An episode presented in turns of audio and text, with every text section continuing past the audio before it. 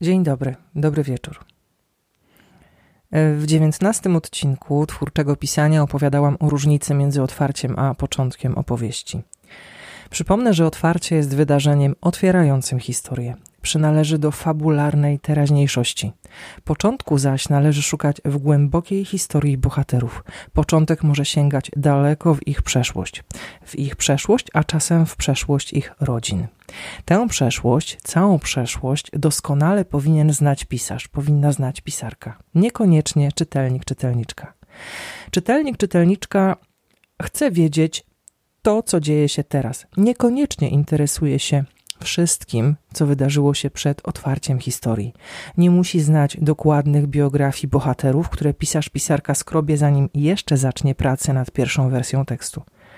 No przynajmniej powinien, powinna skrobać takie biografie. Ale o nich za chwilę. Czytelnika, czytelniczkę interesują te fragmenty przeszłości bohaterów, które skutecznie budują postać literacką i świat przedstawiony. I dzisiaj właśnie o tym, jak pracować z tą ujawnianą w tekście literackim częścią przeszłości, którą w nomenklaturze anglosaskiej nazywa się backstory. Fonetyczne aspekty backstory zostawię na boku i pozostanę przy wymowie backstory. Tak będzie prościej. Mam nadzieję, że to w porządku.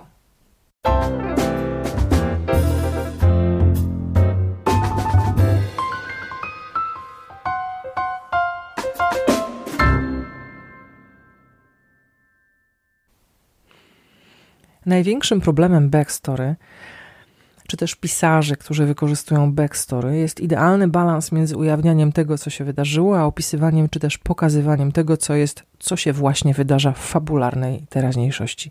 Dobrze napisana backstory może być napędem Twojej historii. Źle napisana backstory będzie jak jazda na zaciągniętym hamulcu ręcznym po autostradzie i wiem, co mówię, bo tak przejechałam wiele lat temu właściwie 100 lat temu i tydzień po tym, jak odebrałam prawo jazdy. Przejechałam tak 30 kilometrów, więc wiem, jak to jest i wiem, jak to boli mnie, kiedy czytam złą backstory w tekście literackim. Bo do rzeczy, dobra backstory, naprawdę dobra backstory, pełni w tekście literackim trzy podstawowe funkcje. Po pierwsze, buduje stawkę i napięcie. I możesz się zdziwić, jak to? Przeszłość, stawkę i napięcie buduje? No tak, buduje. I tu podrzucę ci prosty, chyba już popkulturowy przykład. Przypomnij sobie Milczenie owiec, film lub książkę, którą napisał Thomas Harris. Osobiście lepiej pamiętam film. W otwarciu możesz zobaczyć lub przeczytać scenę, w której agentka Clarice Starling w kwaterze głównej FBI poznaje przeszłość Buffalo Billa. Widzi zdjęcia jego ofiar, widzi miejsca zbrodni. Kiedy Katrin, córka senatorki Martin zostaje schwytana przez Buffalo Billa, wiemy, jakie tortury ją czekają. Widzieliśmy je przed chwilą. Stawka rośnie napięcie również. Nie poznajemy przeszłości samego Buffalo Billa. Nie wiemy, dlaczego został seryjnym mordercą, w przeciwieństwie na przykład do serialowego Dextera. Ale to nie on, Buffalo Bill, jest w centrum naszego zainteresowania. A trochę szkoda. Agentka Starling dowiaduje się o nim tylko tego, co jest konieczne, tylko tego, co buduje napięcie, co sprawia w tu i teraz napięcie, co sprawia, że w czytelniku, czytelniczce budzą się emocje, że budzi się strach. Ale napięcie i strach budzą się i budują się również na głębszym poziomie. Prawdziwym antagonistą agentki Starling jest dr Hannibal Lecter, nieprzeciętnie inteligentny psychopata. W centrum relacji agentki Starling z Lekterem znajduje się jej backstory, jej przeszłość. Lekter słowo po słowie wydobywa z agentki koszmary dzieciństwa, wydobywa z niej źródło męczącego ją krzyku owiec prowadzonych na rzeź. I to on, Lekter, prowokuje jeden z najważniejszych dialogów w tym filmie, bo za filmem ten dialog zacytuję. Hannibal, nadal czasami budzisz się w środku nocy, prawda? Budzisz się w ciemnościach, słysząc krzyk zażynanych owiec. Clarice, tak.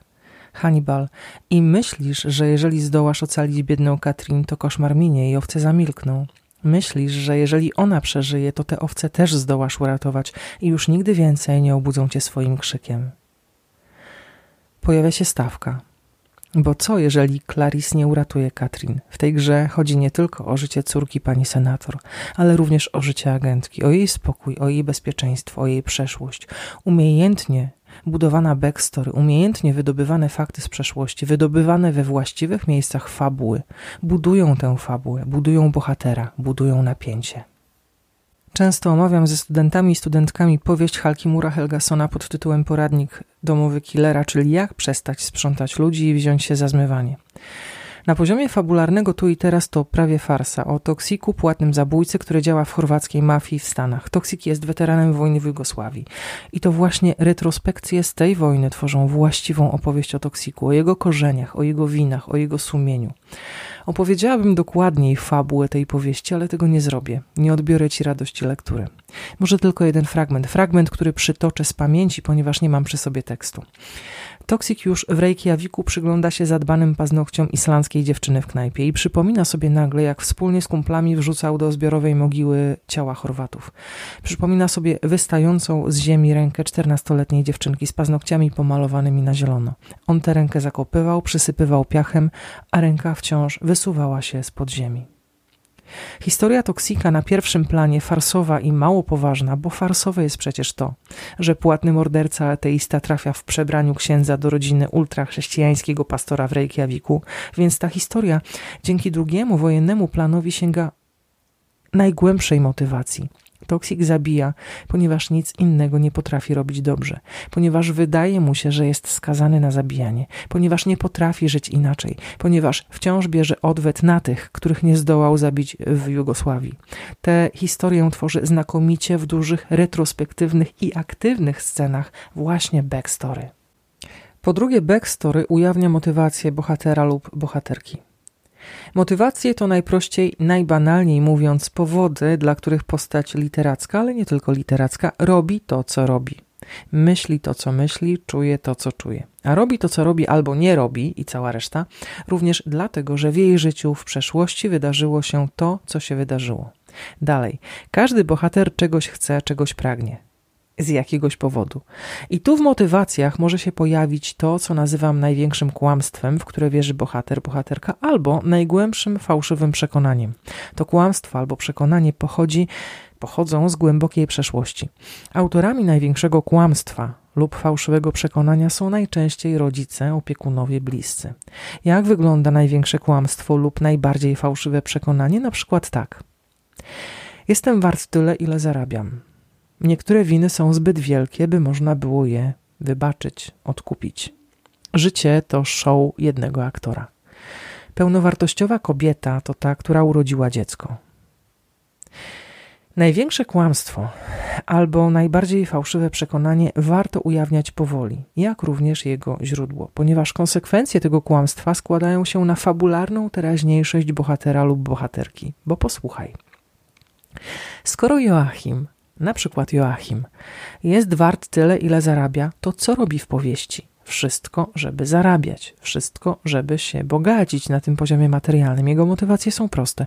Chce mieć więcej niż jego ojciec, który był na przykład nauczycielem w podstawówce.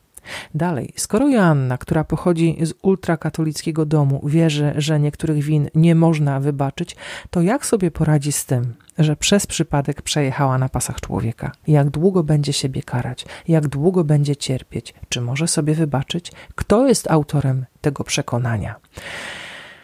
Dalej, skoro Ryszard wierzy, że życie to show jednego aktora, to co robi w powieści, żeby to udowodnić?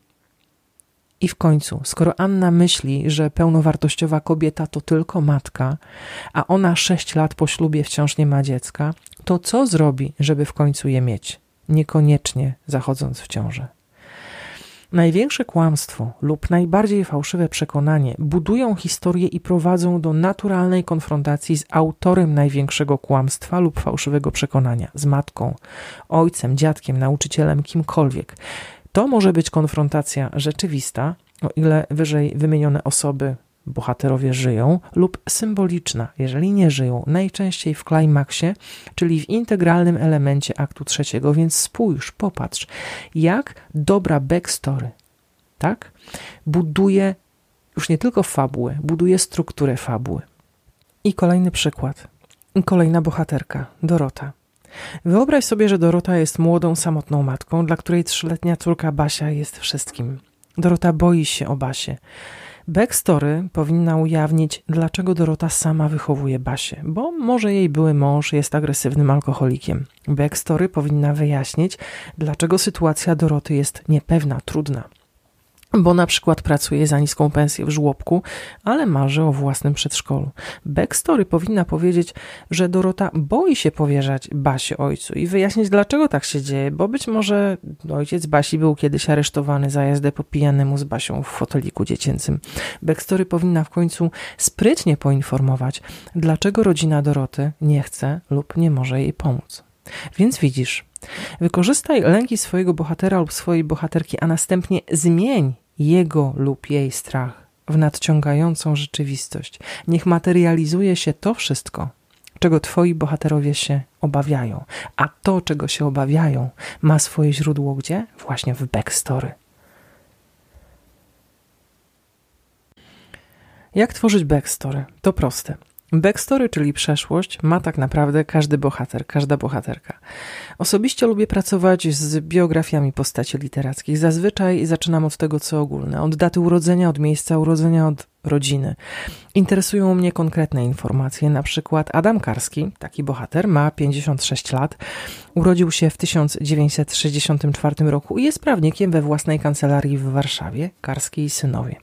Bo ma dwóch synów, Jonasza, 28, i Tobiasza 24, również prawników, którzy pracują razem z ojcem.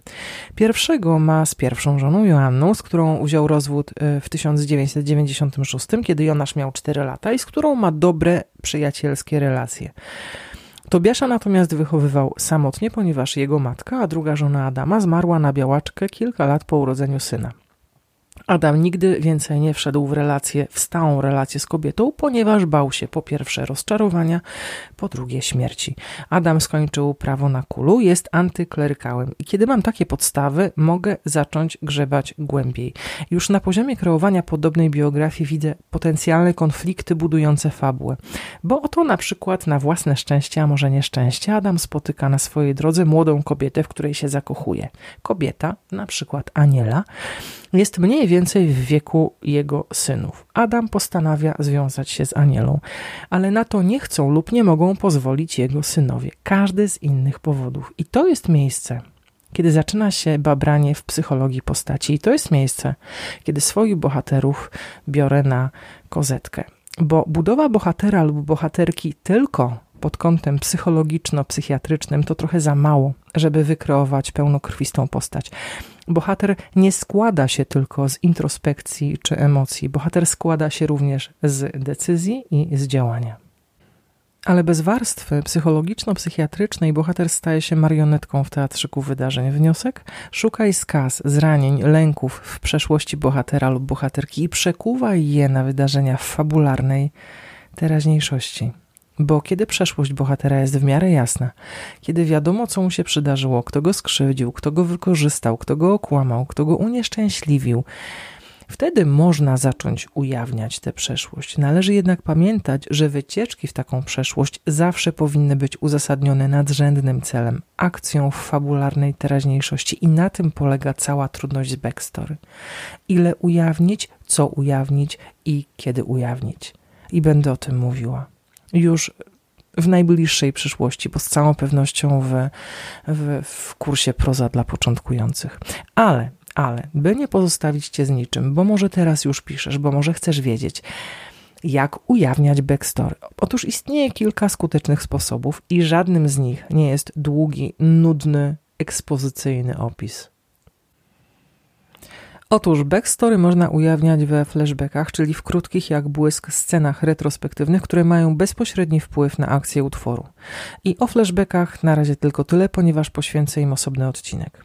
Po drugie, backstory można ujawniać w dialogach, które są szybkim sposobem na to, by opowiedzieć o przeszłości bohaterów. I tutaj również nie można zapomnieć o napięciu i konflikcie, ponieważ dialogi, które odwołują się bezpośrednio do backstory, bardzo łatwo mogą się zamienić w przemowę do czytelnika.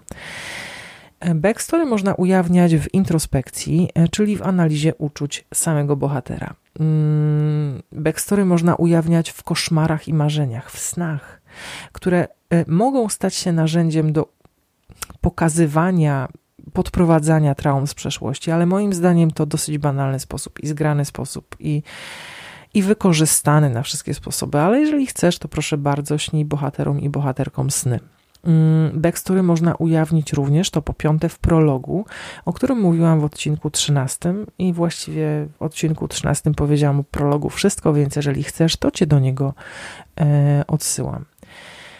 I to co najważniejsze, jeżeli możesz, ujawniaj backstory w minimalnym wymiarze. Jako początkujący pisarz, początkująca pisarka, możesz stracić umiar, harmonię, balans, możesz ulec pokusie opowiadania za dużo, za szczegółowo w myśl ludowej zasady, której literatura nie lubi, kawa na ławę.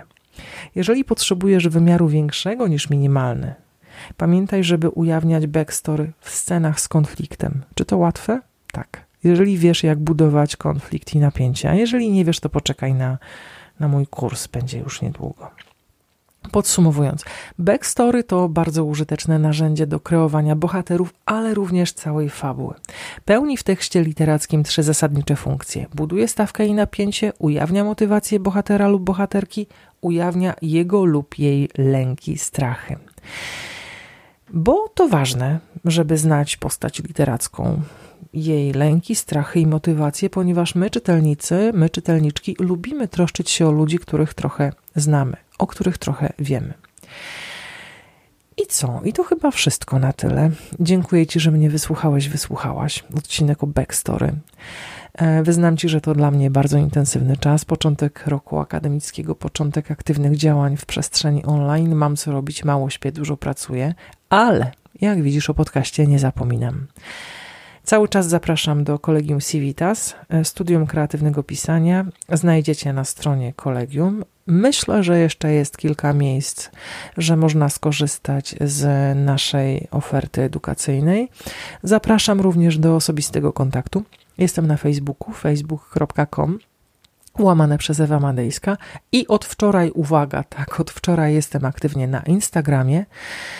Ja na Instagramie, właśnie. Gdybym leżała w grobie, to bym się już w nim przewróciła na tę wieść. Ja na Instagramie, ale tak, właśnie. I oczywiście w skrzynce mailowej jestem kontakt małpa ewamadejska.pl. Tam mnie znajdziecie również, prawdopodobnie najszybciej. Czekam zatem i serdecznie pozdrawiam. Do widzenia. Dobranoc. Dziękuję.